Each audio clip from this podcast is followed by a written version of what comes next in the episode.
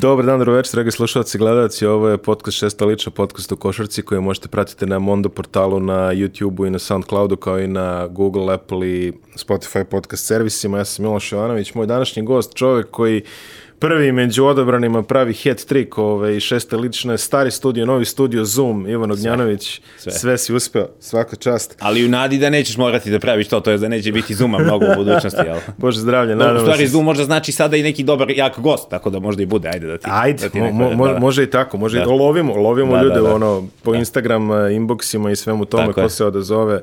Svaka mu čast, evo odmah da pozdravimo Deki ovaj, Vasiljević koji sa, sa još malo pa mu počinje ovaj sezona u NBL-u, novi član Sydney Kingsa. A, kad vidite Ivana u studiju, znate otprilike o čemu se radi, znači bit će neke diskusije ili o NBA-u ili o college košarci, ovaj put bit će diskusije i o college košarci i o NBA-u, drugim rečima, ovo je prvi deo dvodelnog specijala o NBA draftu 2020. koji je okasnio ove sezone kao ove što ste imali e, priliku da vidite. Okasnilo je sve ove sezone, pa samim time i NBA draft. E, sezona koja se završila tako kako se završila, ja odmah i da se, evo, neki ljudi su čak i pisali e, da su ostali malo razočarani činjenicom da nismo uradili NBA emisije još od konferencijskih e, polufinala. Ja sam stvarno želao da to uradimo, međutim, e, Ivane, možda, možda bi ti mogao da kažeš ljudima kako je vama izgledao ovaj, taj raspored ovaj, pred sam kraj pred sam kraj NBA sezone. Mi ovde snimamo pre podne, kao što svi znaju, a sumnjam da je Iko mogao da izdvoji sat, dva, ovaj, da dođe u 10 ujutru posle noći rada. Da, i onda ovaj, kad razmisliš možda nije bilo tako loše za nas gledano što je bio bubble, ili ipak nismo imali one termine u pola pet, neki Portland, Lakers-e, Clippers-e koji bi bili možda u pola pet da je bio regularan playoff, ali jeste bilo naporno, ali moram da kažem da je bilo izuzetno zabavno raditi stvarno i prava privilegija je bila imati to svako veče. Mi smo stvarno imali dosta prenosa, nekih 8, 9, 10 nedeljno smo imali dok se nije smanjio broj utakmica. Stvarno je bilo dosta i stvarno je bilo divno raditi sa tim da se meni konkretno prenelo odmah na baseball playoff posle Da, toga, da, tako da, da, da. tako da u kombinaciji sa Ti si World Seriesom sam ti si malo da... produžio u istom smeru.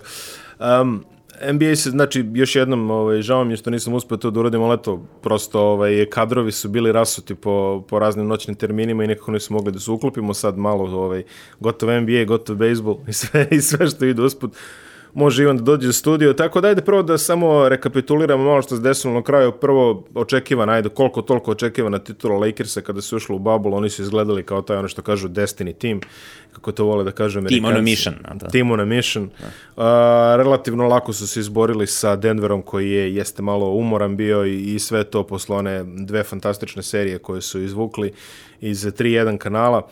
Uh, pobedili su sa lakoćom uh, Denver i onda u finalu relativno lagano, ajde da kažemo, Miami koji u par navrata delovo kao da je tu negdje u seriji, međutim sa onim povredama koji su imali, mislim da nisu mogli da pruže ozbiljniji, ovaj, oz, ozbiljniji otpor. U svakog slučaju odlična sezona za Miami, njima svaka čast, mada je pitanje šta će, šta, da li će moći da ponove to uopšte.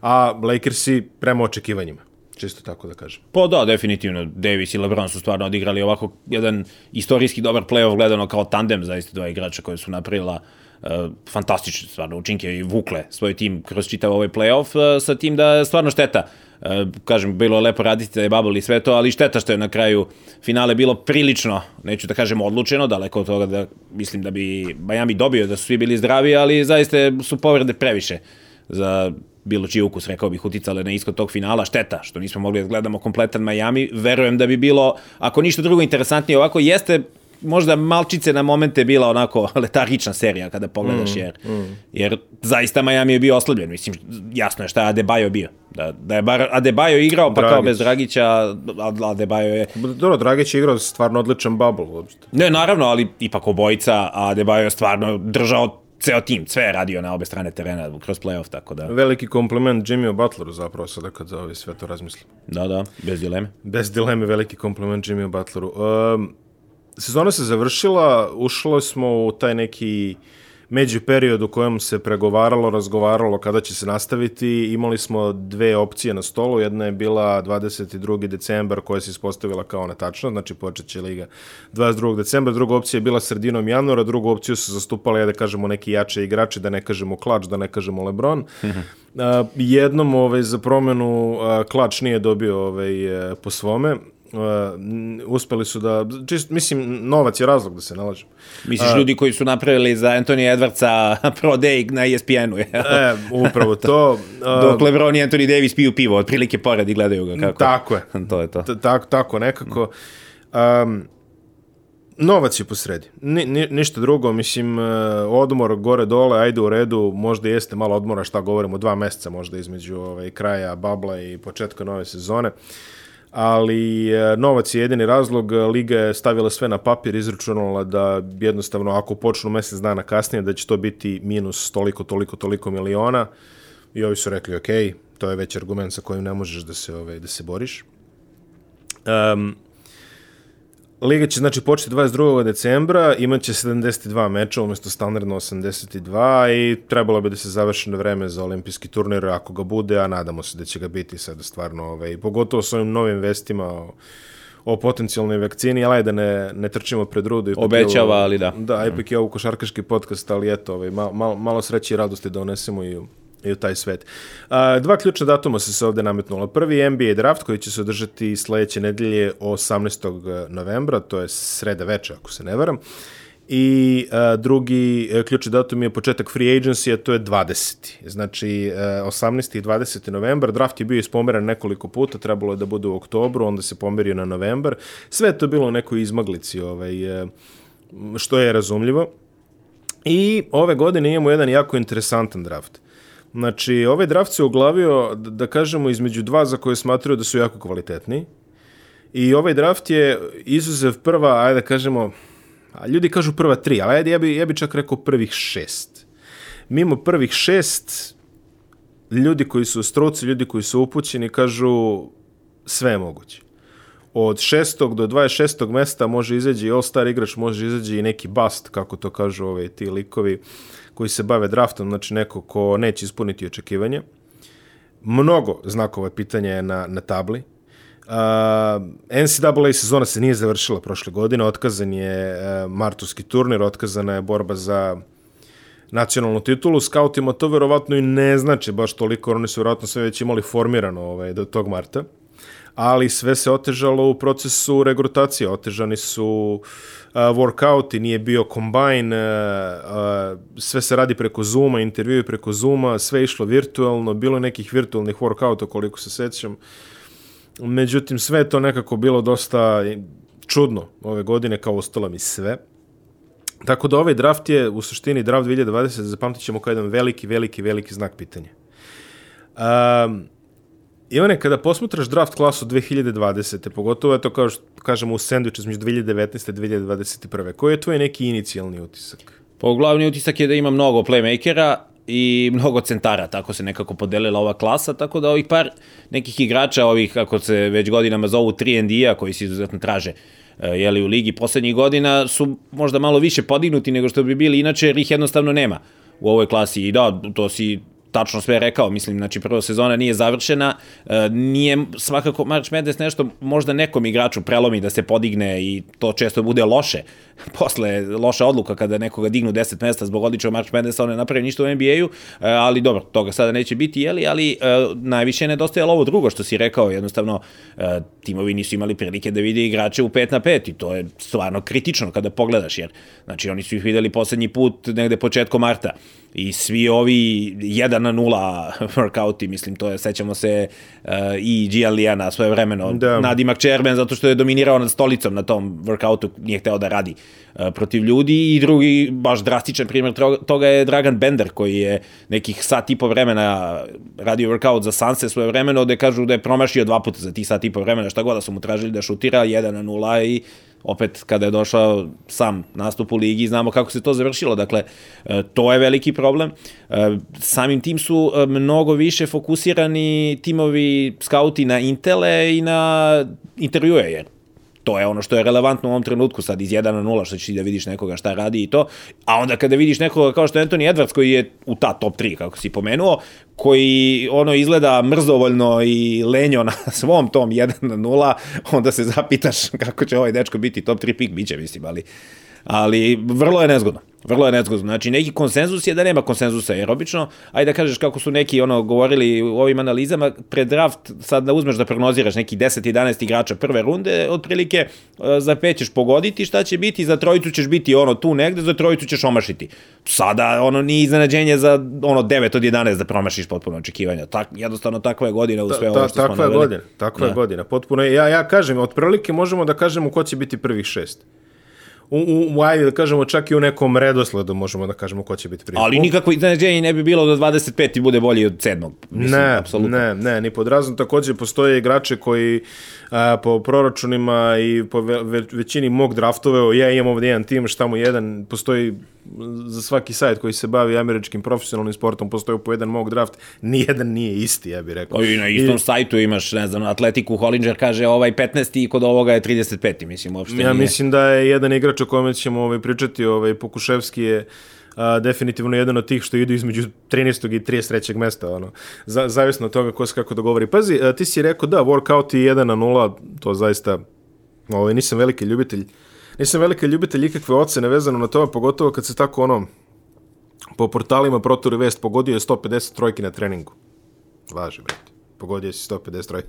Mislim, ok, lepo je to ali ovaj e, nisi sledeći Steph Curry zbog ne, toga, da. nisi da. sledeći Steph Curry zbog toga. Apsolutno nisi sledeći Steph Curry zbog toga i to nekoga ne treba da da impresionira, a druga stvar je ti kažeš 1 na 0 workouti, da, ali Zoom intervjui ko nije sedeo kroz Zoom intervjue, on ne zna koliko to ume da bude naporno. A ovo je Zoom intervju kojem ti treba da pričaš gledajući u...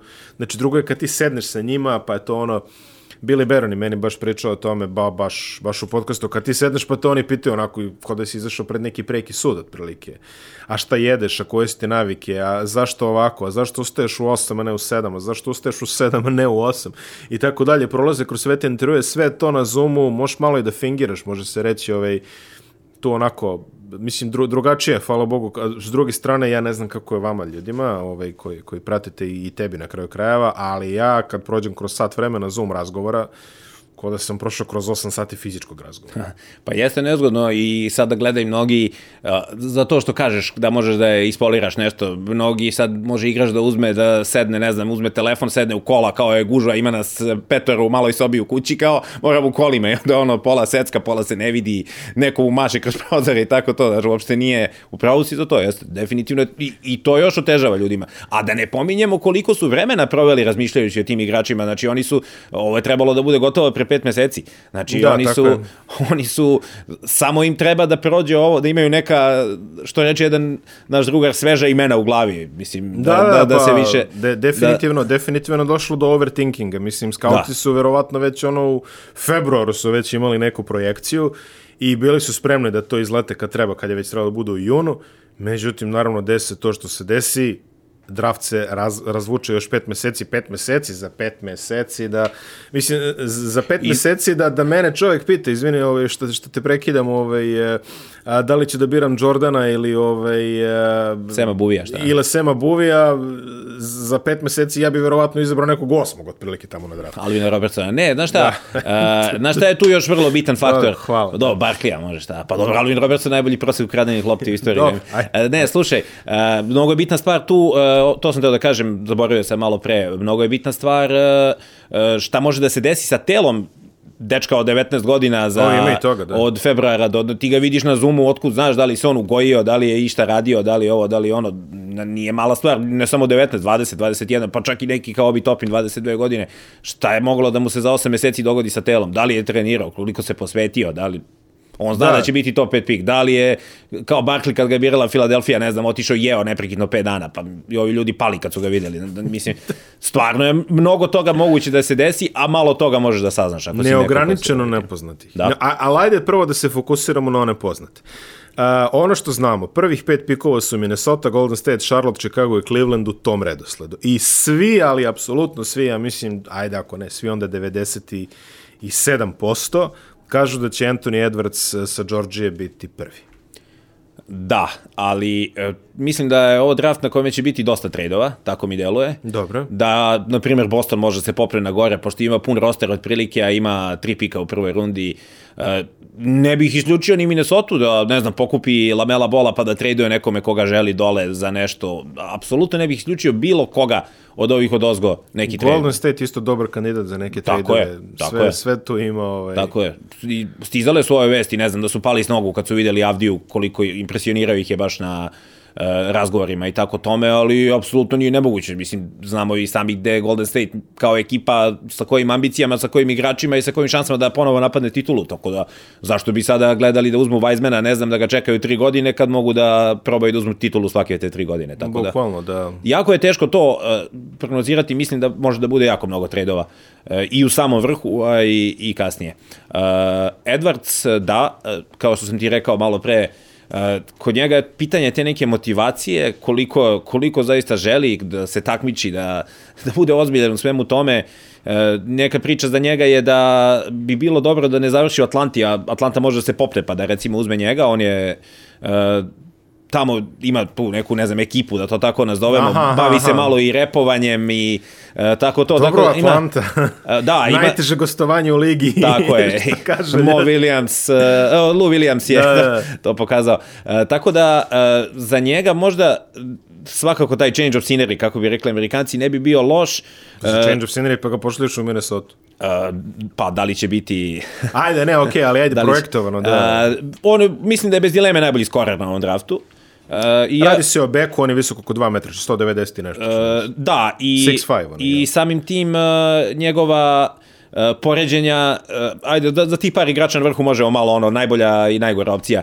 Uh, mnogi kažu čak, do, znači sada odmah da se na početku ogradimo, kada pričamo o ovim igračima, ne najavljujem ja ni novog Vejda, ni novog Durenta i kad ne, kažem ne, da ne, je pa neko... dobro, ali to je standardno na draft. Tako je. Najbolja Ali- projekcija, najgora ne, projekcija. ne, i, i to i druga stvar kada za nekoga budemo sad rekli da je odličan šuter, da je odlična odbrana, da ovo, da ono, ne mislim sad odlična odbrana da će dođi u NBA i bude prva defanzivna petorka, nego mislim u odnosu na ove ljude koji sa kojima igrao, da, da, da. igrao i sa kojima ih poredimo, mislim. Ma draft ne, potpuno jasno, Draft je u pitanju. Dakle, za Edwardsa je neka priča Dwayne Wade, sada, naravno, to, to bi značilo da će morati mnogo više da se i založi i potrudi i sve ostalo, a e, neka najgora opcija kažu da je Dion Waiters. To opet znamo šta je Dion Waiters. E, mnogo Pa valjda u neće rukama. gutati s- gumene bombone sumnjivog porekla na, ovaj, da. na avionima. Ajde, za, za početak Da, barem to. Jel? Valjda su mislili na terenu, ali valjda neće, Verovatno jesu, ali ajde sad kad Valjda- povezujemo Atlanta, sve... valjda neće ni to. Ali u- definitivno je igrač koji će da odmah donese nešto timu koji ga uzme. Mislim da tu nema dileme. kada Da, on, on, on deluje kao ono, a, najviše spreman za NBA da, u ovom da, momentu. Da, da, tu nema dileme. A, I definitivno, eto ti kaže, tre- ali neće ni začudati ako ga Minnesota uzme u krajnjoj liniji. Tako da nije, nije ni to ono. Golden State sa drugog mesta, velik, a sad, naravno, ti si rekao Avdija je impresionirao sve, znači Avdija je neko ko se kreće između tog drugog i petog mesta, ali da se fokusiramo na one izbore što bi one mogli da uzmu. Na moku koji ja vidim ispred sebe projektovan je Lamelo Ball, uh, opcije su još i James Wiseman, Obi Topini i Deni Avdija, pa ajde recimo da krenemo sa, da, da prozgovaramo o sva četiri igrača, kad smo već ovaj, tako rekli, i posle možemo da ih raspoređamo. Lamelo Ball, jedan od redkih uh, koji je igrao profesionalnu košarku na ovom draftu, on se čak i vodi kao international class u ovom draftu, ovaj, iako je, jeli, najmlađi u čuvenoj Ball familiji, ovaj, koja Da. ovaj, drma kroz, eh, kroz Sjedinjene američke države i njen profesionalni sport. Lamelo Ball je odigrao ono malo sprdnje po onom nekom klubu, sad sam zaboravio. New Zealand Breakers, da. Ne, ne to. A, u Litvaniji U misliš? A, je da, da, igrao. da, da. Nije igrao za break, mislim da igrao za Lavaru, čini mi se. Ovaj. Aha, e, da, da, da, da, RJ Hampton je bio u New Zealand RJ Breakersima. Hampton da, je bio u da, da, da, Breakersima, on je igrao za, da. za, za Ilavara Hawks, ako se U svakom slučaju NLB je u pitanju, da. Igrao NBL. NBL, to. NBL, ne O, bivša li- Jadranska. Liga, da, da, da, Liga Okeanije, kako god. Uh, da, NBL, ovaj, to zovu National, jeli? Da. Što bi re... Znači, igrao je NBL u Australiji, e, imao sam priliku da ih gledam u par tih e, NBL nastupa, e, ja nisam ljubitelj, ali eto, sada vreme je da me ti ovaj, kažeš zašto i zašto bi mogao da budem. Lamelo Ball. Pa ajde da krenemo prvo od porodice, pošto si to pomenuo. A to je vredno pomenuti. Dobro, Lavar se definitivno isključio, mislim da su mu rekli skloni se. mu rekli, Nije se stoprocentno, ono, bilo je povremeno po neka izjava, ne znam, i, a mada je dosta izjava bilo u posljednje vreme, taj taj upropastio mog sina i slično. Uh, ne misleći na Lamela, jel, koji još Da, da, nije da. srećom upropašćen. Uh, ali prvo malo možda ne može da pobegne od nekog poređenja sa Lonzom, ali to mi se nešto ne dopada. Mislim samo zbog prezimena čisto. Ne mm. dopada mi se iskreno to poređenje. E, druga stvar, e, posle dva bola, posle Lavara, posle svega, jasno je koliki pritisak je trpeo ono na socijalnim mrežama, koliko je to pratilaca, koliko je to komentara, koliko je to. E, priča je da se dobro nosi sa tim. Zatim, sam Lonzo ima veliku prednost odnosu na njega što je imao godinu dana na UCLA-u, svi su mogli lepo da ga vide, a ovo neću reći da je sakriven kao Weizman koji je odigrao tri college utakmice, ali neko polu sakrivanje je bilo ovo gde je on sve išao i što smo pominjali. Bivši NBA igrač Jermaine Jackson mu je mentor. Takođe, ono što vredi pomenuti kod njega, dakle on je neki back sa visinom Uh, I sad onda nekako ti pada na pamet o, poređenje, 203 je visok. Uh, poređenje je Rondo, ali opet to, on nije Rondo koji, Rondo je neko ko forsira asistenciju u svakom trenutku koji je na polaganju i podeliće asistenciju. Uh, ovo je Rondo koji traži više scoring. E sad, uh, znači, možda bi to bilo neko najbolje poređenje u NBA-u, ne znam s kim bi ga Znak pitanja je na skok šutu, koji je dosta ovako da. interesantan za profesionalnog košarkaša. Da. A, nešto da na čemu će definitivno morati radi pogotovo u današnjem NBA-u, ali atleticizam je na nivou. Prodor igra na nivou. Bez dileme. Pregled bez dileme. igra na nivou. To kažu skauti, sve i ono malo što sam ja gledao. Bez dileme. I opet on, samo da se vratimo još jednom na Minnesota, on ima najveći, najveću trade vrednost na prvom mestu. Znači, ako Minnesota bude želela da traduje tog prvog pika, on je verovatno neko koga bi najviše timova tražilo. Pa, pojavila se informacija takođe u stranim medijima da Lamelo namerno ovaj, izgleda nezainteresovano u intervjuima kako bi ovaj, mogao da padne što dalje, a što dalje verovatno misle New York na osmom mestu, ali to su sada samo tračevi, koliko sam ja upućen. Tako da Lamelo Ball ostaje definitivno opcija, ja sam rekao, ja, ja kad vidim njegovu mehaniku šuta, meni ono, ovaj, tri dana sreće nemam, ali ok, nema veze, definitivno ima vremena da se to popravi, a sve ostalo intangible, što kažu kolege s ESPN-a, je tu. James Wiseman, najveća tajna ovog drafta, a opet Bez. projektovan je kao treći pik. Bez dileme, da, Penny Hardaway ga je doveo na Memphis, uh, došla je ta istraga čuvene NCAA priče, nebitno sada, suspenzija, uh, on je odigrao tri utakmice i od toga su dve bile protiv mid-major protivnika, znači praktično nije imao uh, priliku da se pokaže protiv nekih pravih protivnika, skroz sakriven, uh, odlučio da se ne vraća na Memphis kada mu istakla suspenzija, to je sve, uh, dakle, bilo pre korone, njegova poređenja su onako kada pogledaš monstruozna, neki kažu uh, Bosch da bi mogao da bude, znači pričamo o najboljem slučaju, naravno, neki bi čak rekli i ono Gober sa boljim napadom, sad mislim, defanzivno je definitivno uh, fantastičan potencijal i to i uh, kada sve te njegove mogućnosti ovako na papiru sagledaš, ne deluje mi da, da, da ne, neki pod njegov može da bude ispod, na primjer, ovoga što je Jared Allen u Necima, na primjer, tako neki centar. Jedan od brojnih tih. Uh, James Wiseman, samo da napomenemo, 7 foot 1, znači 215 koliko je to već i igra centra. Da. Uh, Uh, i, Šta god to značilo u današnjoj košarci. I, pa, Rim Runner je dobar i tako to, jel? da. I može da štiti obrač. Neki kažu da, da njega isto kao najgora varijanta, neki eh, Javel McGee iz onih šampionskih dana Golden State-a. Znači, kada je to McGee, je dosta dobra najgora varijanta. Dosta, dobra najgora varijanta, tako je. Ali ne ona koja je bio za trećeg mesta. Ali opet za njega ide ta neka priča, apropo sa toga da li bi ga uzeo ili ne, da kada mu dođe neko fizički jači, neko ko je dobar, s kim bi trebalo da se takmiči, da se on malo sklanja. E sad, to za nekoga koji je bio toliko sakriven, kako to da znamo, mislim. Da, možemo, ne možemo. Možemo realno. jednostavno da vidimo kada, kada, kada bude došlo I, I druga stvar, kada bi Boš igrao današnjem NBA, to kada sam već pomenuo kao poređenje, Boš bi od početka šutirao mnogo za tri pojena, da. bi, kao što u Toronto šutirao polu distancu i tako to, tako da ta, kad ti neko postavi takvo očekivanje nije ni malo nisko. Ali definitivno mnogo, mnogo talenta. E sad, kako ćete to preneti i kako, kako, kako, kakvu glavu on ima da to prenese u NBA, ostaje nam da vidimo. A, nakon ove inicijalna tri pika koje su zaista, eto što kažeš, a, redka sigurna stvar u ovome draftu, a, sledeće dva koje su na, vel, na velikoj većini big boardova, znači projektovano Chicago i Cleveland, su Obi Topin i Danny Avdija. Dva krilna igrača, različitih pedigreja, do duše. Jedan dolazi iz Izraela, ali ako ćemo preciznije, dolazi iz Globočice sela ovaj, na samoj ivici Metohije sa sa, sa Albanijom i ovaj, naše gorili, što bi reklo, dečko koji je Goranac, sin eh, Zufer Avdije, legendarnog eh, košarkaša Crvene zvezde. I, i imao je jako zapaženu epizodu u izraelskom prvenstvu, barem ovo kad sad završavalo Izrael, jedan od redkih liga koji je završio sezonu 2019-2020 i Obi Topin koji dolazi sa Daytona i odigruje, čini mi se, dve godine na koleđu, što je ovako... Ovaj... No, Obi Topin 22 godine ima, on je... Da, da, ali, ali vodi se kao sof. On je, da, ali on je bio ono, što bi rekli, zero stari krut iz srednje škole, nikoga Da, da, nije da, da. hteo i malo je drugačiji put prešao, pa prvo ćemo Avdiju, mislim, možemo. Naravno, može na naši čovjek. na da, da, krajeva. da, da, Izraelci neko A, oproste, pomenuo si- Prisvojit ćemo ga za ovo. Pomenuo si, da, da, pa, pobednik u mlađim kategorijama Izraela, da.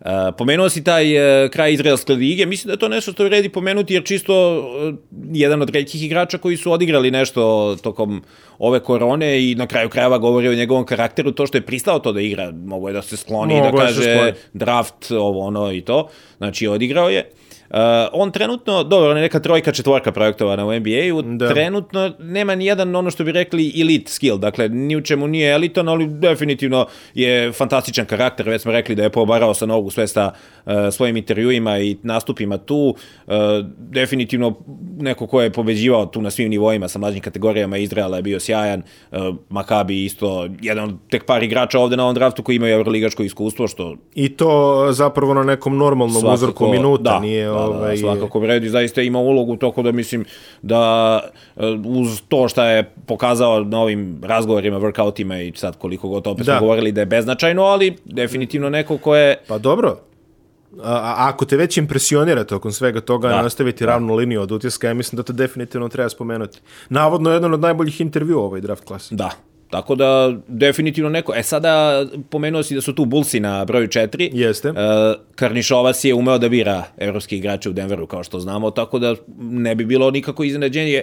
E, opet za Golden State je priča da ako budu uzeli igrača koga će da zadrže, koga neće da traduju, da je to Avdija. Znači onda će već daleko da ode Bullsima na četvrtom mestu. da, da, da. Što isto nije nemoguće, ali opet kažem, ne bih nikakvu e, opciju trada isključio. Sve je apsolutno tu moguće, tako da vidjet ćemo. U svakom slučaju, ja mislim da on neće preživeti ovaj, pr- top, iz top 5 neće izaći. Ne bi smelo. Ne, ne, bi smelo, zaista ne bi Ne bi smelo. smelo. A, jedno, zaista, ovaj, želimo mu naravno ovaj, e, svu sreću, i, ipak je, ajde, da kažemo, najbliže što ćemo, što ćemo vidjeti od ovaj, srpskog top 10 prospekta ove, tokom ove draft klase. Nešto kasnije ćemo i onim drugima. Obi Topin, Uh, Obi Topin, kao što je rekao, nikoga nije teo iz srednje škole, onda je porastao nekih desetak santimetara tokom koleđa, uh, izvanredan atleta, uh, pokazao je na Daytonu zaista apsolutno da, da je spreman u ovom trenutku za NBA i sada naravno odmah mu mnogi govore 22 godine, pa onda krenu da navode neki igrače koji su birani sa 22 godine u top 10, ajde da kažem u poslednjih deseta godina i zaista ima nekih ono imena da, ne znam, Jimmer Fredet, ne znam, tamo Wesley Johnson, da se ono zalediš kada pomisliš da ćeš dečko da... iz Phoenixa, čini mi se, e, kada e, pomisliš na, koga misliš? Cameron, e, A, Cam Johnson, dobro, Da, ali on je da. malo kasnije, ajde, ali mislim, e, jeste lista uglavnom da se zalediš kada pomisliš da uzmeš uh, nekog tako sa visokog mesta, međutim, uh, opet ima i ona druga strana toga, ako uh, Obi Topin zaista jeste taj talenat kao što i ja iskreno mislim da jeste.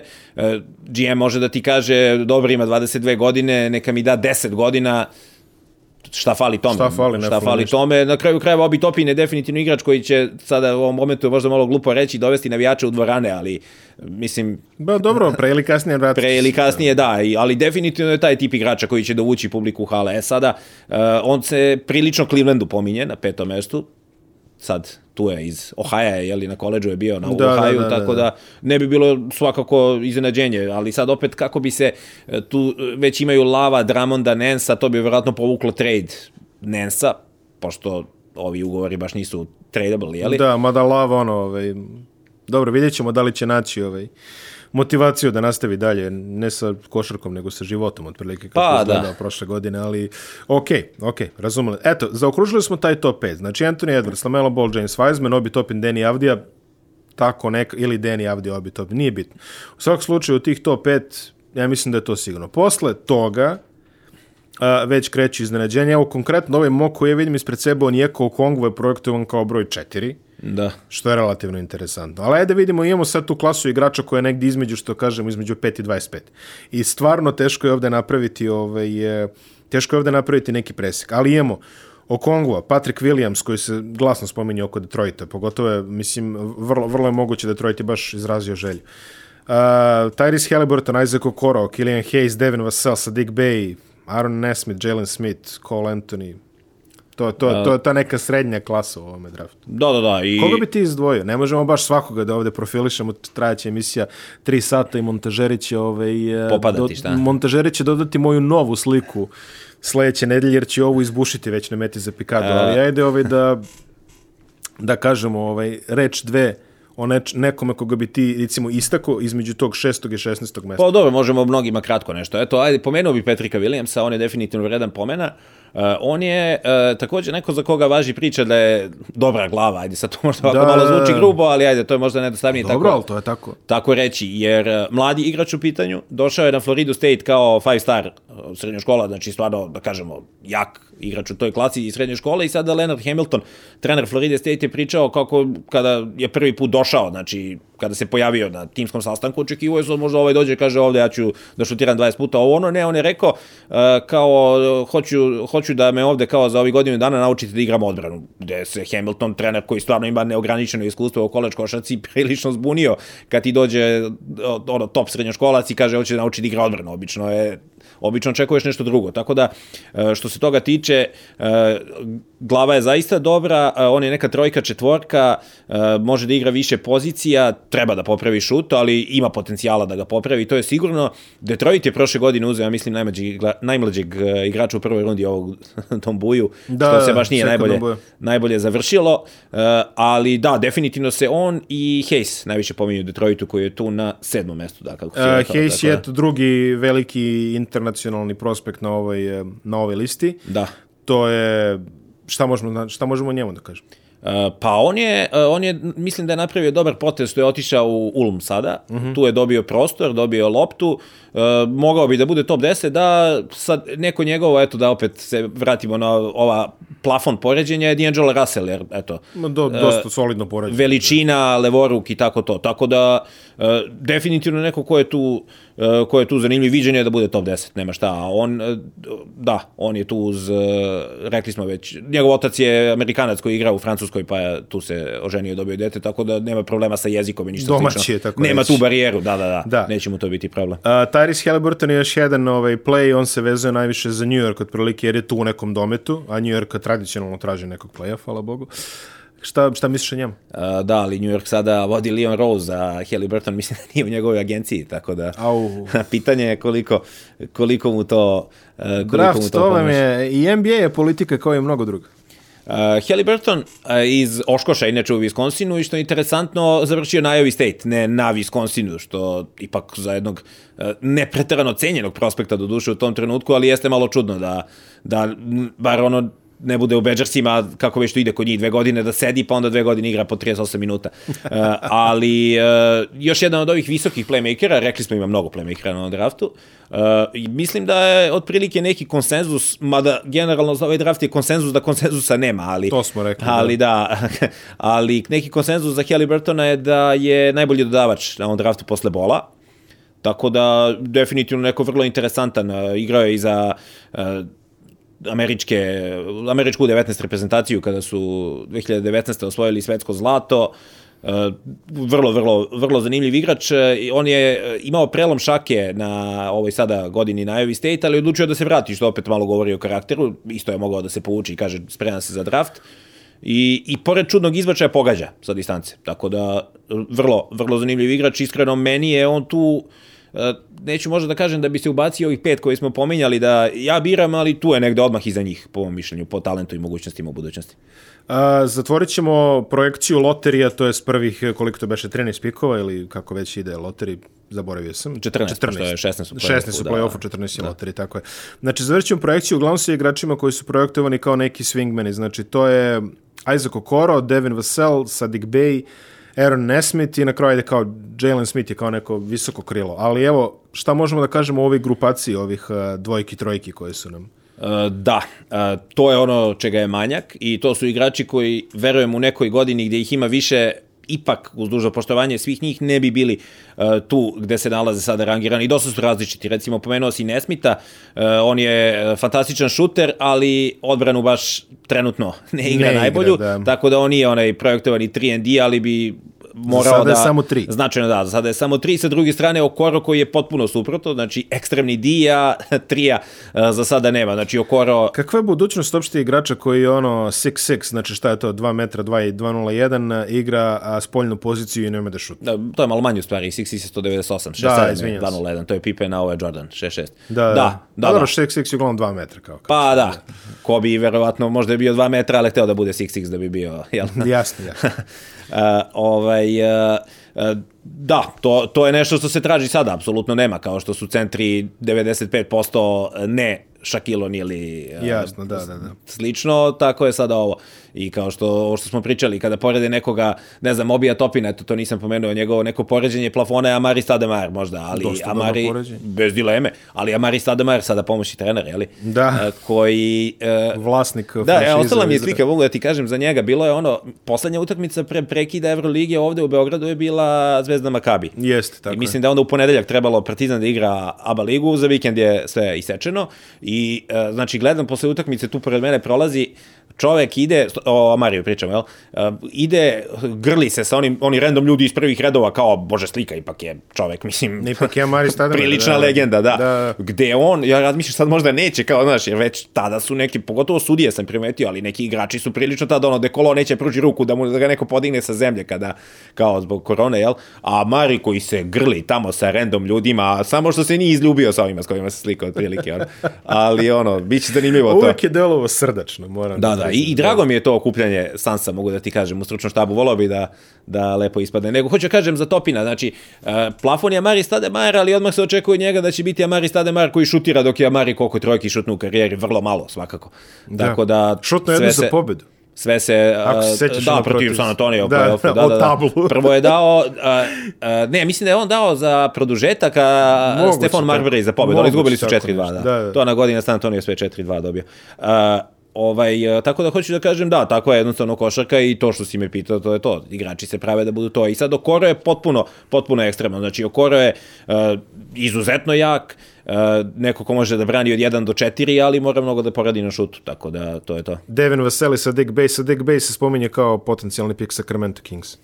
Sa Dick Bay, e, da, on je iskoristio što je dosta igrača sa Villanove otišlo u NBA i poslednjih nekoliko godina dobio prostor i to što su otišli i bili dobri mu je svakako značilo, jer sada svi gledaju, aha, vidiš, Jay Wright stvarno izbacuje prave profesionalce, prave igrače koji mogu da pomognu da li Golden State-u koji tamo grca sa ono osam igrača na rosteru ili nekome ko će nešto da radi, da se bori e, za e, za neku playoff poziciju, tako da definitivno sad Dick Bay još jedan od tih 3&D potencijalnih igrača, a Vaseli je neko ko je 2-3, on je isto, e, on je sad Florida State igra stvarno dobru timsku odbranu i onda e, i kada je, ne znam, Brian Angola dolazio u Partizan, bilo je, aha, Florida State e, po defaultu igra odbranu, a sad baš, možda se nije ispostavilo tako.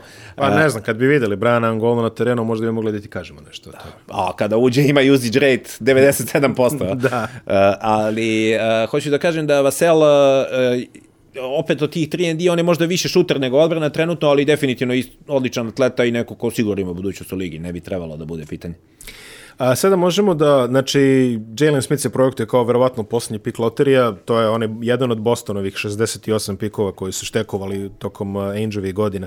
Ali sad već ulazimo u onu zonu znakova pitanja što smo rekli. Od 14. do 30. mesta bukvalno svašta može da se desi. Pre nego što izdvojimo neki igrače koji bi možda mogli da naprave razliku, hajde se malo pozabavimo ostatkom međunarodne klase. Ajde. A, tu pre svega imamo Tea Maledona, da. koji je projektovan isto negde za, da kažemo, sredinu a, prve runde. Imamo Leandra Bolmara koji je projektovan takođe za sam kraj prve runde i imamo Aleksija Pokuševskog koji je isto tako negde, 13. do 33. mesta. Mm, Pa evo, Pokuševski, ajde, pošto je naš, Može, pa evo, da, naš, naš. da krenemo od njega. Uh, on je sigurno jedan od onih igrača koji se draftuju za budućnost, ne za sada. Uh, ipak uh, ima nespravno telo za NBA, mislim da je blago rečeno, a i on je neko od onih koji je uh, prvo mlad je, sad ako ako se nisam prebacio, on je 2001. i u decembru tek puni 19 godina, Da. tako da zaista je mlad. Uh, I on je neko ko je bio prilično sakriven, je šta druga... Pa govor, nemaš bolje ga sakriš nego druga liga. Druga grčka liga. I 10 sekundi Euroliga. I da, eto, ima i on Euroligačko iskustvo, da, ne znam, da. jedno slobodno bacanje ili šta je već. Pa tako ne. Šta je već bilo, ali uh, imao i povredu kolena zbog koje je bio limitiran prošle godine, tako da i kada su hteli da odu da ga gledaju neki, bilo je pitanje da li će igrati, ali neko ko voli da igra s polja i definitivno ima potencijala da se snađe u ovoj modernoj košarci, ali kažem, definitivno isto tako neko ko se draftuje za budućnost, isto važi i za Bolmara isto imao sasvim solidno euroligaško iskustvo. Dobro, Bolmaro je igrao zapravo. Da, da. ima euroligaško iskustvo, ali ne, kod Bolmaro se draftuje za budućnost jer mu je ogroman buyout u Barceloni mm -hmm. i mislim da je tu apsolutno zaključeno da će igrati u Barceloni sledeće godine, ako čak i nije i potvrđeno i zvanično da će igrati. A i jer... čuvene su, a i čuvene su priče kako ovaj, u Barceloni ovaj, vole skaute i šta. Ovaj.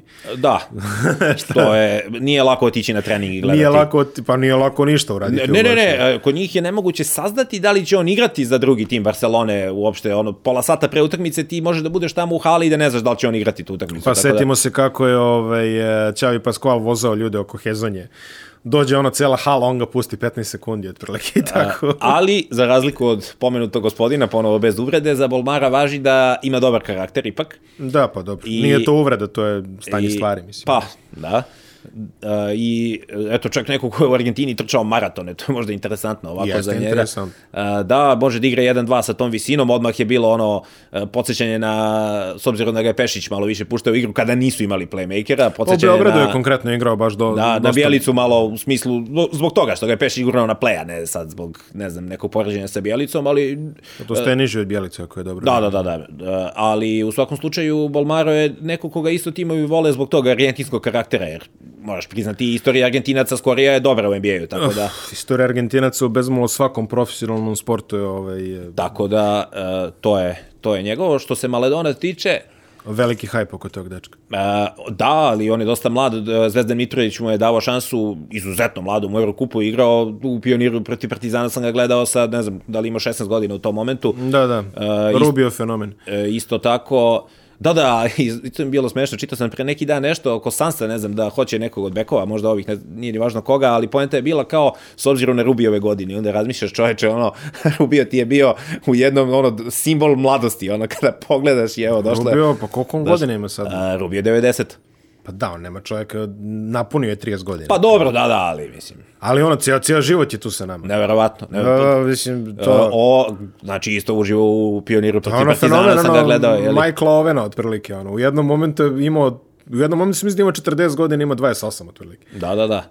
Pa ne, ono, kad je, na onim prvenstvima u 16, ono, 2005. 6. kad ima one 49, da, da, da. 18, 15, 11 utakmice, ali eto, kada pogledaš, bukvalno je čovjek do ceo život na, ono, to je, to nam je nekako, ono, nekako smo se navikli na njega. Ali eto, proleće, Očekujem, proleće da, vreme, kad se priča o godinama Rike Rubija. To pa, sam, da. E, to sam teo da kažem, ali dobio šansu mlad, e, dobro, nije bio baš toliki možda hype kao Korubija, ipak ne, ne, ovo je ne, Španija, naravno. ovo je i to sve, ali imao je, imao je kod Zvezdana Mitrovića zaista šansu u Euroligi on je jedan od onih igrača koji su odlučili da ne igraju ove sezone, da bi, eto, ostali kao spremni za draft i to, tako da ga nigde nema već neko vreme, je li? Bilo ga je prošle sezone došao koliko toliko, tako da. Da, da, ali kažem od mislim prekida. Da, da, od prekida, prekida ga, ga nema, nema ali uh, on je jedan od onih igrača za koga ovako ide priča, a i kada ga vidiš kako izgleda igra, deluje da je možda bolji fit za NBA nego za Euroligu. Da mu pa, više to su i za Rubije pričali. Da mu više odgovara to. Mislim, to su i za Rubije pričali, pogotovo jer je Rubije bio tamo kod Ćavija Paskvala, da otprilike ono moraš da pročitaš ono, ovaj, e, Bibliju playbooka, pa onda smeš da ideš na da. teren, pa onda još tu si sa Navarom, pa što nisi istračovao. I meni se čini da se on dečko oslobodio kad je došao u NBA, kad su mu rekli radi to što umeš i NBA je stvarno ove, za takve igrače ono blagoslov. Pa sveti se samo kako je igrao protiv Amerike na olimpijadi. Da. Kada, I kada pogledaš koliko ima godina tada. I na kraju krajeva možda igra najbolje ubedljivo u karijeri sada, ako vidiš uh, Jest. prvenstvo. Jeste, pa... definitivno. Definitivno se slažem. Sad u ovoj, da kažemo, srednjoj klasi, koje ime bi tebi ovaj iskočilo kao kao neko ko je možda najviše NBA redi u ovom momentu, a ko je neki najinteresantniji prospekt. Ako je ovde vidim RJ Hampton, koga smo već spomenjali, on ovako isto dole kao intrigantan uh, bekovski bekovski talenat, on je projektovan isto za negde tako neku sredinu runda, njega isto znamo, on igra u, u NBL-u. Ali i on je isto jedan od ovih igrača koje si pominjao, koji je negde očekivan na 19. neki ga vide u top 10, neki ga cene kao top 10 i tako, baš jedan od ovih koji šeta. A, verujem, verujem da je iskustvo, da kažemo, treninga sa živom municijom, da se tako izrazim, znači iskustvo igranja protiv ljudi, profesionalaca u ovom draftu pogotovo ovaj veliki plus. Po- Mislim zašto se svi što kažeš posakrivali ono od, od korone i, i nemamo dobar uzorak. Tako da Avdija je definitivno profitirao na tome, a možda i RJ Hampton uspe da se uvali to. Da, i on je neko ko je tamo igrao dosta i na playu, iako je on više dvojka, ali eto, na kraju Pa krajeva- nema baš neku visinu za dvojku. Pa, spremao se da bude neki combo back u NBA-u. U svakom slučaju on je više skorer nego Da, da, što je da. Kec, tako da e, verovatno, verovatno je interesantan. On je za malo otišao na Kansas, ali eto, ipak na kraju, sad ne mogu da se setim šta je tačno bilo, da li su ono ocene iz srednje škole ili nešto, ali odlučio se za taj put e, koji si pominjao i kažem, neki ga evidentno vide kao sad, da je na Kansasu, da su ga videli tu iz blizine, možda bi kod većine bio i više, ali svakako svakako neko ko može da donese neke poene, rekao bih, u NBA-u, odmah. Možemo da kažemo i par reči o igračima ovaj, sa tradicionalnih vrhunskih programa kojih ima relativno malo, Malo, u ovoj draft klasi. A, Vernon Carey se spominje kao jedini projektovani first rounder sa Duke-a. A, imamo Tyrese Maxija sa Kentucky-a. Da, on je kod nekih i top 10. Meksik koji definitivno mora da popravi mnogo šut za 3 poena. Mislim da to bilo A ispod igra 30%. dvojku na 6-3. U, boga mi ispod, teško. ispod druže. 30% na Kentuckyu, odličan je prodor igrač, ali ako će da igra 1-2 u NBA-u sa 29% za 3 poena ili koliko je već imao, ne, da prosto. to malo teže. Da, e, teška je bila godina za te e, standardno jake programe, da, North Carolina imala najgoru sezonu od one mislim da je to deveta, deseta, posle titule devete, kada su im svi živi otišli, pa nisu ni otišli na March Madness. E, oni su ispali sa ACC turnira bukvalno dan pre prekida sezone, tako da bi, eto, prvi put posle 10 godina bio March Madness bez North Carolina. E, tu je Cole Anthony, sin Grega Antonija, jel? jednog poznatog imena iz 90. godina.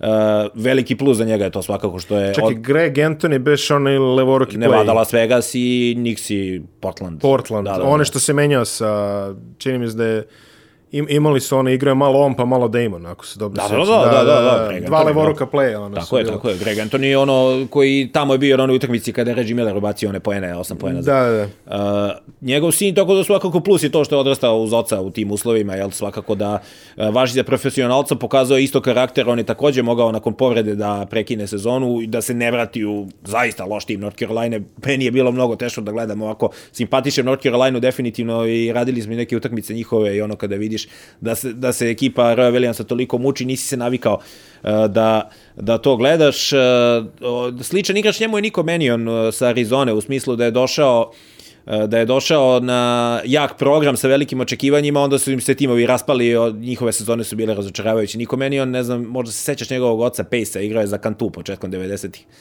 Ne, I ne ovako. On je, uh, on je iz maksimalno sportske porodice, znači majka mu je odbojkašica, otac bivši, bivši košarkaš. Pukao se i po NBA 80-ih i onda je u Kantu završio početkom 90-ih godina. Uh, uh, meni on je jedan playmaker sa dobrim uh, pregledom igre, ali eto, sezona je bila razočaravajuća uz to što mu se ekipa raspala. Svakako, Cole Anthony je neko ko je dramatično pao u odnosu na onaj start, one rane neke mokove, prerane mokove ovog drafta, a on je negde tu kod nekih oko 20. mesta obično Tako, se- koliko tako vidim, ali da. sad, ne znam, možda je malo teško i odrediti njegovu ulogu u NBA u ovom trenutku, pa nije slučajno pao toliko. Desmond Bain se dosta spominje ovaj, u nekim uh, skorijim uh, u skorijim okovima i kod uh, profesionalaca još jedan ovaj, back shooter on igrao na TCU, a takođe tu su još dva igrača iz Arizona, to su Josh Green uh, i Zik, pročitaj ga ti. Nađi.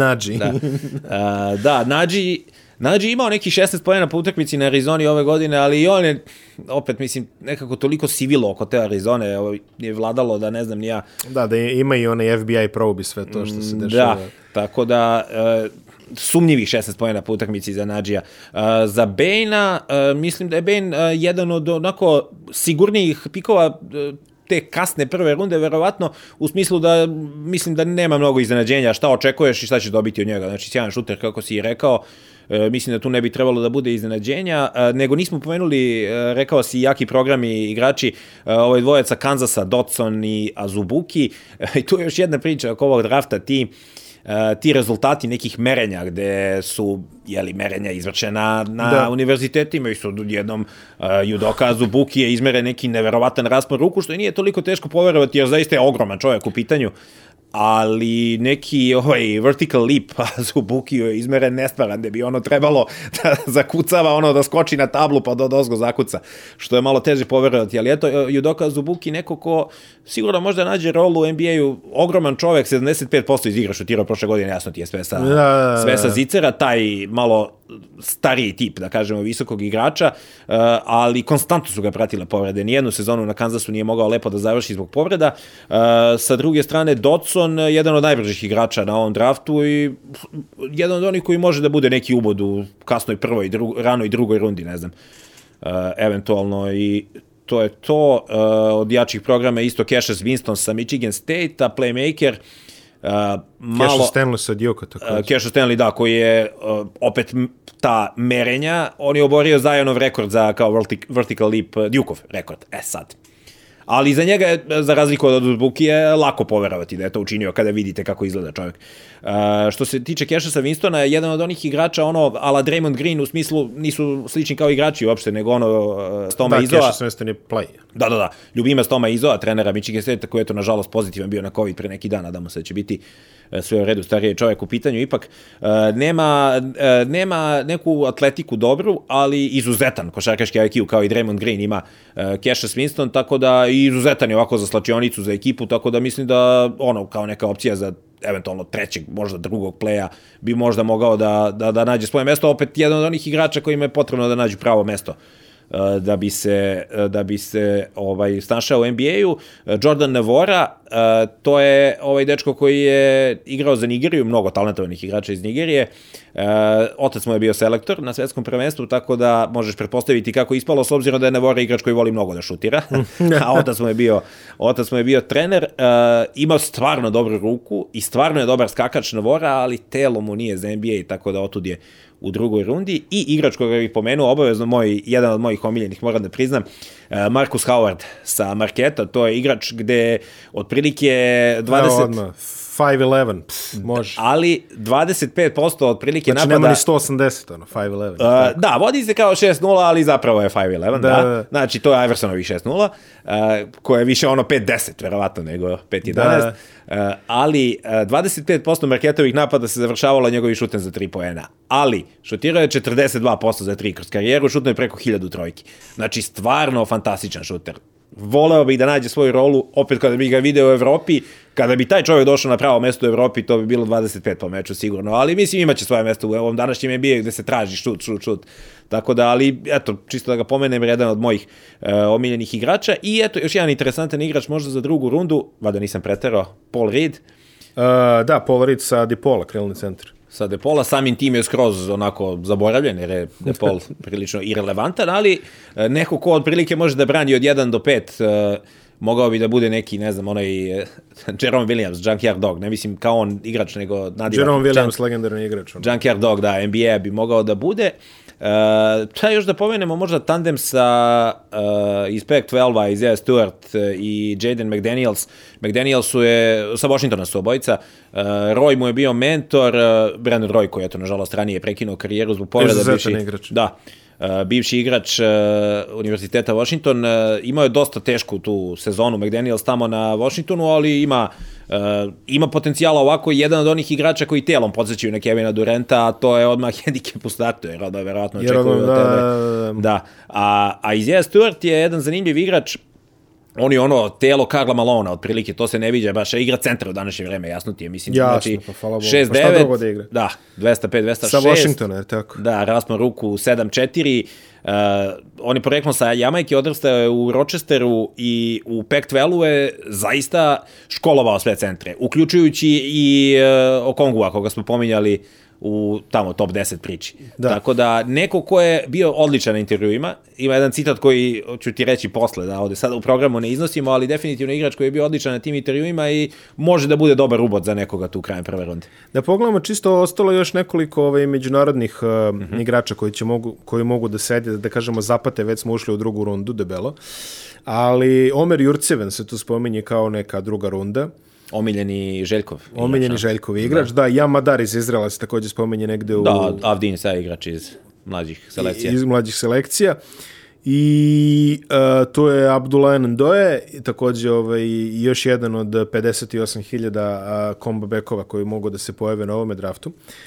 I imamo na kraju krajeva i ovog Marka Simonovića iz Mege koji ja ga nešto ne viđam po big boardovima, ali uzevši u obzir što se kaže ovaj, da, je, da je ostao tamo, da je ostao na draftu kad su se svi ostali povukli, to može da bude da se indikator. povukao pa ostao. Povukao se pa da. se vratio. Da. To može da bude indikator nečega u suštini da je, da je dobio ovaj, moguće neku garanciju, vidjet ćemo u svakom slučaju čemu se radi.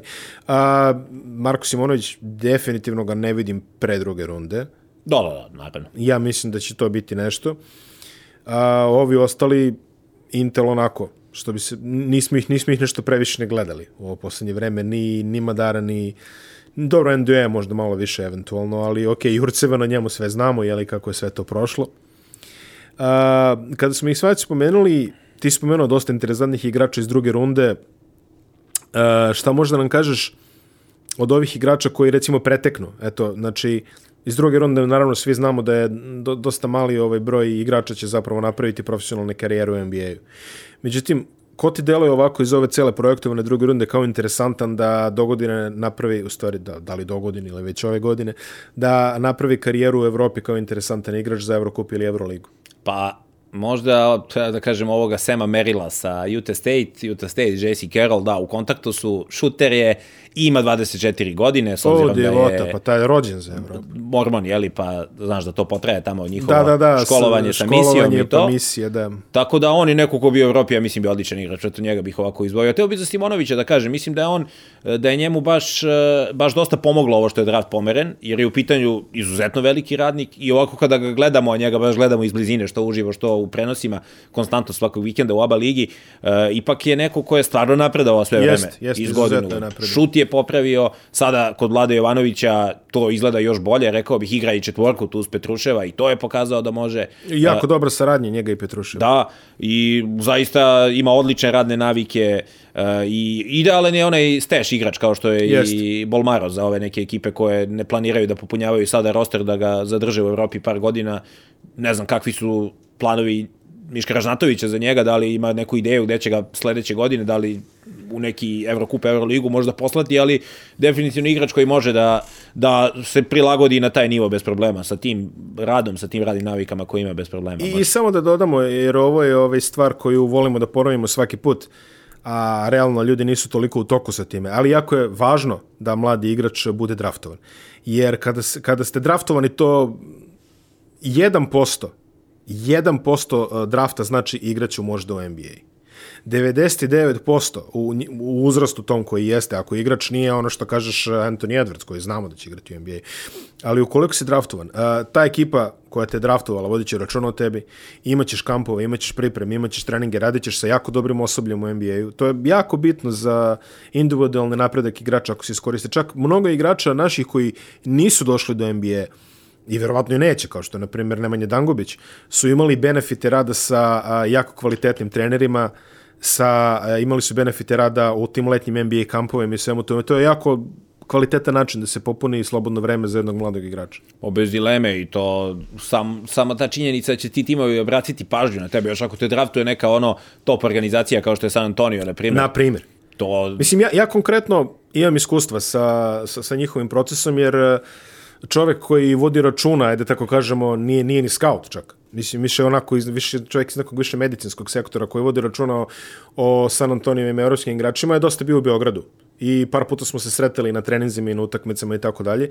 I imao sam mali uviđaj o tome, on je konkretno pratio Dangobić dok je bio u Zvezdi i pratio, uglavnom išao u Beograd Dangobić pa Atina Milutinov. To je bila neka njegova trajektorija. I onda si imamo tako mali uveđaj, neverovatan nivo detalja koji NBA franšize uh, posvećuju tim igračama. Iako, što kaže taj da to je Nemanja Dangubić, verovatno neće igrati NBA. Jeli? Nema veze. Oni su njemu pristupili kao apsolutno, ok, šta radiš, intervju, e, sve, koje su ti navike, kako ovako, da li ideš u levo, da li ideš u desno, da li šuter, ova, čak jedno leto je dečko proveo rekonstruisujući skok šut sa istim čovekom koji je rekonstruisao uh, skok šut Kavaja Leonardu. Tako da, ovaj, definitivno, to su stvari koje se ne smiju zanemariti i koje su jako bitne u razvoju. O da, bez dileme, sad ono što sam ti rekao, samo što će ta takva organizacija, takvog renomea, Da, da, da, takvog naravno. nivoa, obratiti pažnju na tebe i gledati te i poslati nekoga da popriča s tobom posle neke utakmice, ako si zainteresovan za to, bilo je slučajeva da ne imenujemo, ali Da, da, koji, evo sad ću samo da se istuširam, pa onda izađe na drugi izlaz i tako. A, tako da, e, ovaj, definitivno, definitivno. A, mislim, zamisli tek koliko je, e, kako izgleda draft proces u NFL-u, gde je, mislim, ono, Intel znaju više o tebi nego što ti znaš o sebi, ja mislim. Da, da, da, da. Tako da, Dobro, u NFL-u, ruku na srce, više se očekuje kad si draftovan, očekuje se da igraš odmah. dobro, znači... zato što ipak se malo više igra i na koležu. I... Da, da, da.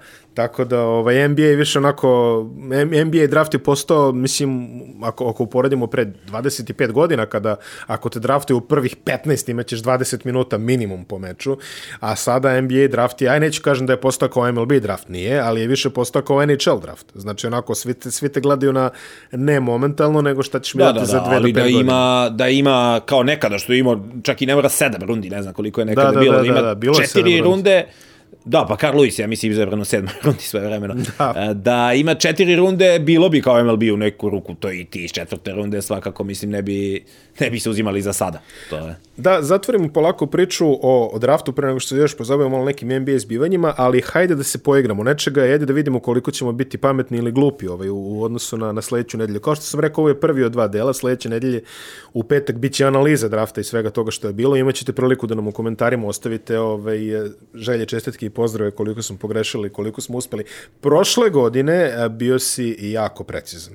Odlično da kažem. Jeste, ali bilo je lakše pogoditi prošle godine. Bilo a bilo je lakše Bio je i kolega Igor tadašnji Da, da. ovde, tako da, Da, da, tako je, nemoj tako da je. njegov doprinos zanemereš, bio Da. je veći od moga, ja mislim. Tako Da, ovaj, real, real, ne, neka. Ja sam uglavnom nabacivao Sad ideje, tu, sad a on se tu. uglavnom slagao Sa, sa sad idejama. imaš priliku da se istakneš. Da, da, da. A, znači ovako, imamo projektovano mesto, ja ću čitati ovaj, imena timova, znači čitat ćemo prvih 14. O, uf, sad Kreće. će da me upropastiš ovdje. Nema veze, Jedan ovo od je- 14. ne, a nemaš 1 od 14.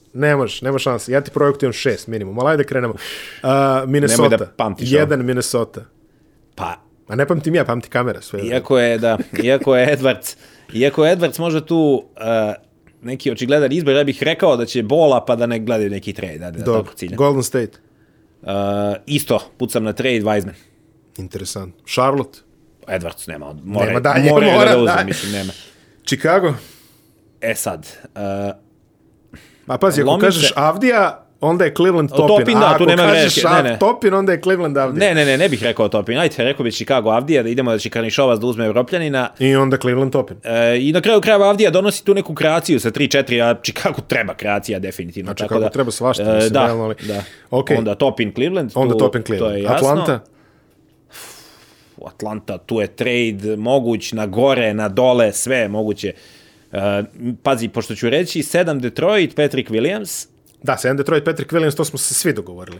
Vidi ovako, da, da ti olakšam situaciju, o, o, ocenjivat ćemo te na osnovu onoga gde igrači završe na kraju, ne nužno Znaš šta? kako će biti draftovani. E, znaš da šta, a rekao, ajde, neka bude Atlanta 6, Kelly Burton, onda možda malo previsoko za Neka. njega, ali, e, pa, znaš, neko ko može da igra pored Younga, može da igra backup Youngu, šta znam, eto, neka bude to tako, onda sedam smo rekli Patrick, Patrick Williams, Williams, 8 New York.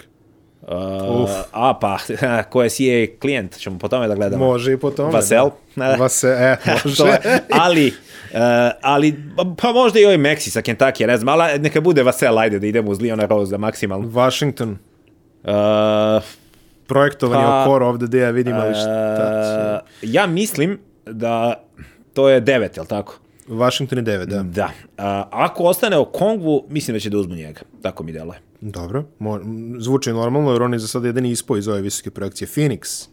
Uh, e pa to je ono što sam čitao pre neki dan Rubiove godine, mislim da je tu baš bio taj komentar kako će juriti Beka i sad gledamo ovde, znači Hayes, Hayes e, nismo pomenuli ovo Kairu Luisa, on je vrlo interesantan igrač, Uh, on je sa 17 godina došao na koleđ i... To je jedan od onih e, od 13 do 33, ovaj, da. Da, da, da, ali je igrač koji je ono kao software, sophomore, pardon, mlađi od uh, mnogih freshmana bio. Mm -hmm. I on je uh, značajno profitirao na Alabami, koliko ko to možda ovako da glupo zvuči, ali odlaskom Everija Johnsona, jer je nekako prodisao ove sezone i... Mnogi izgleda prodišu kad ode Avery Johnson, to je nevjerovatno. Misliš kao Dallas u NBA-u? Da. A, ali u svakom slučaju ekstremno brz sa loptom igrač i neka poređenja su čak ono Schroeder, Shea, Gildos Alexander, tako da e, vrlo interesantan igrač. E sada, ako bih recimo Phoenixu računao Beka, Tali Hayes, ajde neka bude Luis. Deseti. Neka bude Luis, odlično. San Antonio?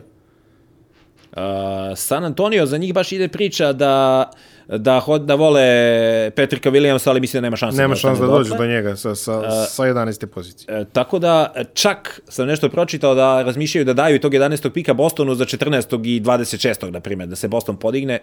Tako da, apsolutno ne mogu da pretpostavim, ali opet tu je Okoro dosta ostao, pa neka bude on Jest, 11. Da, da, Sacramento. Neka bude on 11. Sad Bay se nametnuo u svakom moku, čini mi se, za Sacramento, tako da...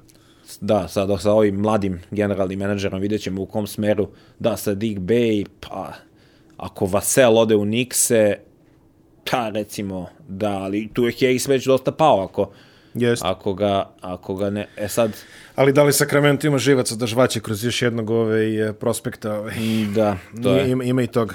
Da, da, da. Pa kada čuješ za nekog igrača da floor kažu Marvin Bagley, onda znaš da si. Au, bog. A na tom draftu je bio, ko beše ono, ispred njega. Da, neka, neka, u redu je. E sad, onda New Orleans 13. gledam, onda ako smo rekli Louis Phoenix, uh, Nesmit. možda Nesmith, a možda Hayes, ipak ako hoće, ako hoće nekog Hayes već beka, ima smisla.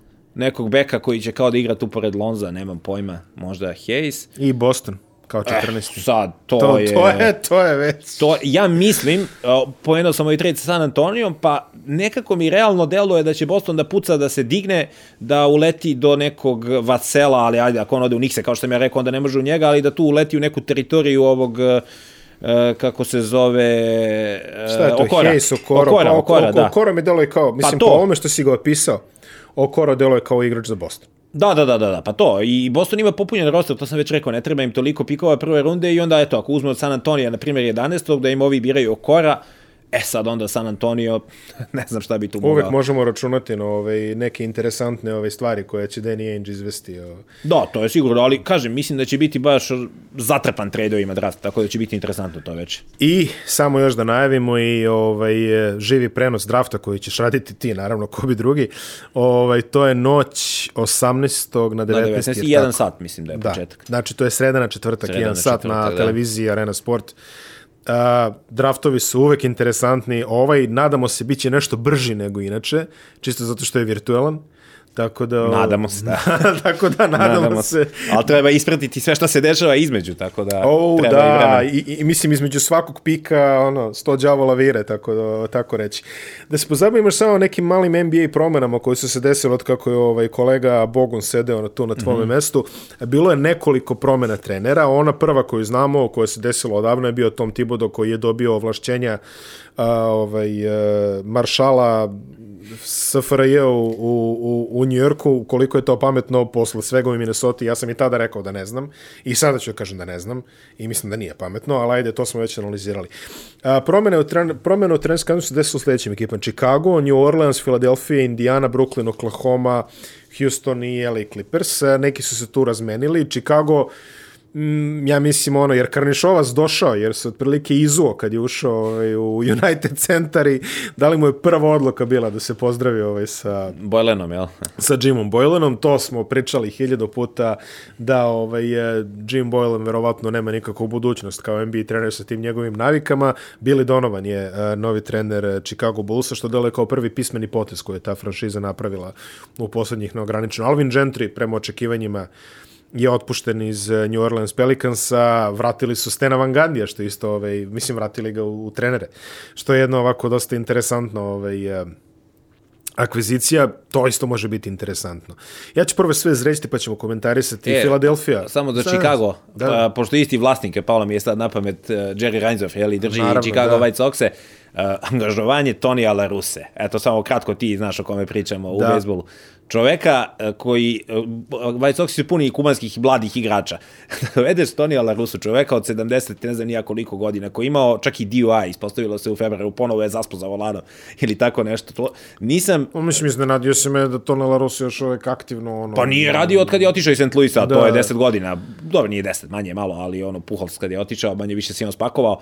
Uh, I to, da je potez, ja nisam skoro angažovanje trenera koje je toliko kritikovano od prvog sekunda kada je izašla vest video, ali eto, u košarci su mnogo bolje radili sa Donovan. Ne, ja sam, ja sam šokiran to na Znači- kad sam posljednji put čuo za njega otprilike. Ne, ne, neverovatno. Radio nešto u ono, MLB ofisu, ali neverovatno. da To je potez koji ne objašnji potpuno. Ali eto, u košarci su pogodili. U bejsbolu ne znam da li će dočekati Da početak li će sezone. dočekati početak Da, da. sezone? Filadelfija je prema očekivanjima također, e, ovaj play-off u Bablu je onako presudio dosta trenera.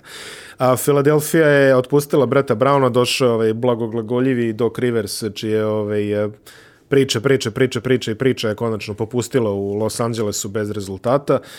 Indiana je otpustila Nate McMillana, dovela Nate Bjorgrena, asistenta Toronto Raptorsa.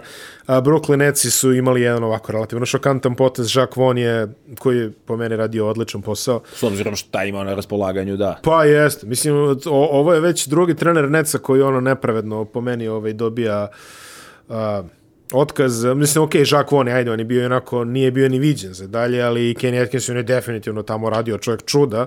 Međutim, desilo se to što se desilo. Došao je Steve Nash, e, svi znamo ko je Steve Nash. Konkretno pričali smo i o tome koja je to veza. Znači, Durant je zvao, okrenuo par telefona i rekao, ovaj čovjek je dobar. Ono što je dosta interesantno je njegov izbor asistenata, to je Mike D'Antoni koji će biti njegov asistent. Ali pravi reunion Sansa 2005. Pravi reunion Sansa. Mislim da će biti jako interesantno za gledanje. Već spominjeni Billy Donovan napustio Oklahoma i došao je čovek kome nisam siguran kako da pročitam ime Denjo. Uh, malo je komplikovanije nego što izgleda, čuo sam juče, ali sam već zaboravio da bude Nema veze. Tako da naučit ćemo do početka Naučit ćemo sezone. do početka. Da, da. Uh, asistent Oklahoma se radi, Houston Rockets je već spominjeni D'Antoni otišao. Kod njih je najveće ludilo, da. Steven Silas je ovaj, je je došao, ludilo. sin Paula Silasa, znači ono što kažeš mator si kada pamtiš uh, uh, sinove. Da, ovaj, ali, kada pamtiš ali Silas sin. izgleda kao da ima 22 godine, a ne koliko ima, zaista izgleda neverovatno Stari mladoliko od mene, otprilike. čini Da, mi da, se, da, da, 40 i neka, Da. a izgleda izuzetno mladoliko. Kada ga vidiš onako na klupi ove godine kao asistenta, pomisliš ovaj dečko, ono ko je unuk Silasa. Ono, I Los Angeles Clippersi su konačno uhlebili ovaj Tyrona Lua posle uh, onako, ovaj uh, dugogodišnje reklamne kampanje. A to je možda ono što njima i treba, takav trener sad. Pa ja mislim da im definitivno treba neki kao taj menadžer, trener, što To. tako. Imali smo i dve front office promene, a u onoj prvoj koja je već dosta poznata, Vlade Divac je ovaj, napustio poziciju generalnog menadžera Sacramento Kingsa, Monte McNair koji je bio, šta je bio neki savjetnik, asistent, više ne znam nije šta je bio. ovaj, Svakako, ono, da li drugi, treći najmlađi u ligi je sada postao. drastičan zaokret se očekuje sada u Sakramentu. A druga stvar, čovek koji je ovaj čovek koji je svojeručno ovaj srozao buduće kepove i em, i dosta prihoda NBA ligi jednim tweetom. Daryl Morey a, napustio je Houston Rockets i Rafael Stone a, neki potpredsednik košarkaške operacije ili tako nešto je novi generalni menadžer tamo. Tako da ovaj Mori Morijev odlazak udao Houstonu je što kažeš potpuno ludilo tamo je ono ovaj baš- Jedan dan čitaš Westbrook i Harden neće više da igraju, onda Harden 100% komitovan, samo se ne javlja na telefon Silasu. Westbrook hoće da ide. Da, Westbrook se već spominje oko New Yorka. To bi bilo idealno. Ne, prva- Koliko bi to bilo dobro. Ne, čoveče, prva vest je bila da kao ni jedan ni drugi se valjda ne javljaju na telefon, da su zabrinuti kao putem, o, za, kao ko- kojim ide franšiza, šta god. Onda odjednom Harden kao ne, ne, ne, 100% komitovan, Westbrook hoće da ide, to je... Ne, pa pazi, a, mislim, a, što se Hardena tiče, dani njegovog ovaj, besomučnog ispaljivanja su verovatno prošli. A ovaj, pola roster onda treba da se rekonstruiše, jer pretpostavljam da Steven Silas ovaj, se probudio jednoga jutra i rekao možda bi želeo da igram sa pet pozicionih igrača, ili barem Aha, četiri misliš da neko ima više od 2 metra, šta? Da, da, da, da, ne, da neko zapravo igra centra, da neko zapravo tu skače i da ne šutiraju svih petorica. Ovaj, taj eksperiment koji se pokazao, mislim, me, meni je gledanje toga bilo izuzetno teško. Znači, ja, ja verujem da je tebi kao komentator to bilo još interesantnije, ali meni da gledam, ono je bilo... I, je Ali bilo dobro, jako drago mi je kad izvuku nekog igrača, evo Bena Meklavora su digli, bio je potonuo do stvarno Pa do, mislim, velike kao dubine. i ono, ovaj, kao i velika većina Sakramentovih uh, loteri pikova koji ovaj, eh, se izgube negde u, u neograničenosti. A i da bi je neko rekao, ne znam, na Texas Techu kad su bili Caruso i Daniel House zajedno kao bi doći će play-off gde će Caruso biti kao jedan od ključnih igrača šampiona, A Daniel House a Daniel da- House će biti jedan od ključnih razloga što je kao tim ispao iz play-off serije, rekao bih da, da, važi, u redu je, ali... Da, dobro, ali... ne govorimo o zbivanju na parketu. U slučaju A, Hausa, da. U slučaju Hausa, ne. Ali evo, ovako, na papiru, najintrigantnije stvari. Billy Donovan, ja mislim da će stabilisati Chicago, tu nema Po, zbora. pokazao je da je, mislim, apsolutno pravi NBA trener. Stan Van? Gundy, ja mislim da je to isto pravi trener za trenutnu situaciju. Svakako jedan od, svi kažu, najvećih stručnjaka što se tiče ono X's and O's, tako da Pazi, mislim da nema... Doc Rivers u Filadelfiji, mislim, Filadelfija to je luda kuća, otprilike. Pa, Tamo to- zakopani su mnogo stavim. Sad, e, koliko sam nešto čitao, verovatno odustaju od toga da im e, Jedan ide, Simons ja. igra Da. playa. E, Zato se, oni imaju nekog tamo oko 20. pika, njima se pominje možda Cole Anthony kao tu opcija, Da, kao da, neko da, da, ko bi da. malo uzeo loptu iz ruku Simonsa. E sad, Ne, ali, ali Doc Rivers možda, možda ih ono, možda ih pogura do nekih neslućenih, mislim Doc Rivers je ono players coach, on je najklasičniji, a tamo je apsolutno nekakvo ludilo, otprilike ono, svakako. uh, bahati klinci koji se... Pa, ako ovaj, motiviše Embida da se malo više uozbilji, da ne znam, ima tu. pa ne, Ali su mnogo zakopani velikim platama nekolicine igrača, tako da nemaju mnogo prostora za nemaju manevar. mnogo manevarskog prostora. Ove asistente neću komentarisati previše, mislim, oni su koliko toliko nepoznati. Ove, da, da kažemo, Steve Nash može bude jako interesantan. Mislim, znamo svi ko tamo, ovaj, e, ko tamo kosija, ko vodu nosi. Pa da, ovaj, ali verovatno je sami tim idealna priča ovo. Pa jest, mislim sigurno, mislim Steve Nash vrlo lako može da uleti u neku Steve Kerr priču. To, to, to, svakako neko Da. ko se maksimalno, i kada slušaš, uh, pominjao sam, mislim, na onom uh, Zoomu kad smo bili, sad već Da, da, ne da. rade par meseci pauze, im je Quentin Richardson i Darius Miles, što si mi se smeo njihov podcast. E, da, da, bravo, bravo, bravo, Kada, mislim da im je baš Amari bio gost kada je pričao koliko svi iz te ekipe Phoenixa poštuju Steve'a Nasha. To je nešto neverovatno. Ne, ne, ne, ne Quentin ja to. Richardson koji se, znaš ono, kada vidiš Quentina Richardsona, vidiš Steve'a Nasha ovako po defaultu, ne bi pomislio, aha, oni su bleli čovjek se kune u njega, znači ono ruku bi dao za njega, tako da stvarno apsolutno verujem da On nešto... Zna se šta, zna se šta ovaj, znači Steve Nash. I taj Luen meni ovako ovde uh, najinteresantniji, iskreno, zato što u situaciji u Clippersima je ono otprilike ovaj bojno Kataklizma, polje. da. Pa, o, mislim, ok, sezona se završila tako kako se završila, to je prva stvar. Onda dobili smo izveštaj ovaj, koji je kolega Buha sa Atletika ovaj, uh, uh, i izvukao da tamo otprilike niko ne priča ni sa kime. Ono, mislim, ovi starosedeoci navodno ne pričaju sa ovim uh, zvezdama. Pa onda, su do, onda smo dobili izveštaje da uh, Kawhi Leonard uh, nije baš ono, ovaj, nije baš toliko zapenju koliko su mislili no možda zapne. Pa uh, playoff koji je bio katastrofalan. Ne, definitivno su odigrali ležerno, kao da ih titula Vrlo čeka, pa ležerno. samo da se pojave. Mislim, Pa ne, ne, ne vredi. Mislim, to, da, da, li je, da li je, čini mi se ono prošle godine, ovaj, kad smo kad smo najavljivali ovaj sezonu da je baš Edin, čini mi se ili ti, neko od vas dvojice je to rekao, čini mi se da ne voli te ekipe koje rade na taster. Ovaj na, na prekidač i ispostavilo se zaista. Pa Mislim. gledano istorijski, ono naj, najpoznatija taster ekipa su oni Lakersi 2001. koji su se uključili pred kraj sezoni i počistili sve. Ali, A malo je drugačija Kad imaš liga. Šeka i Malo je drugačija liga bila. malo drugačija liga, imaš i Šeka i Bryanta, imaš sigurni 35-20 sa centra i sigurnih 35 10-10 sa ono, beka šutera. Tako Da, Paul George baš nije ovaj, ovaj nije se proslavio sa Nije svojim... sigurni 35-20 u Nije sigurno, da. pa boga mi ni, ni Kawhi Leonard nije, nije, mislim, nije siguran ko Šek što je siguran.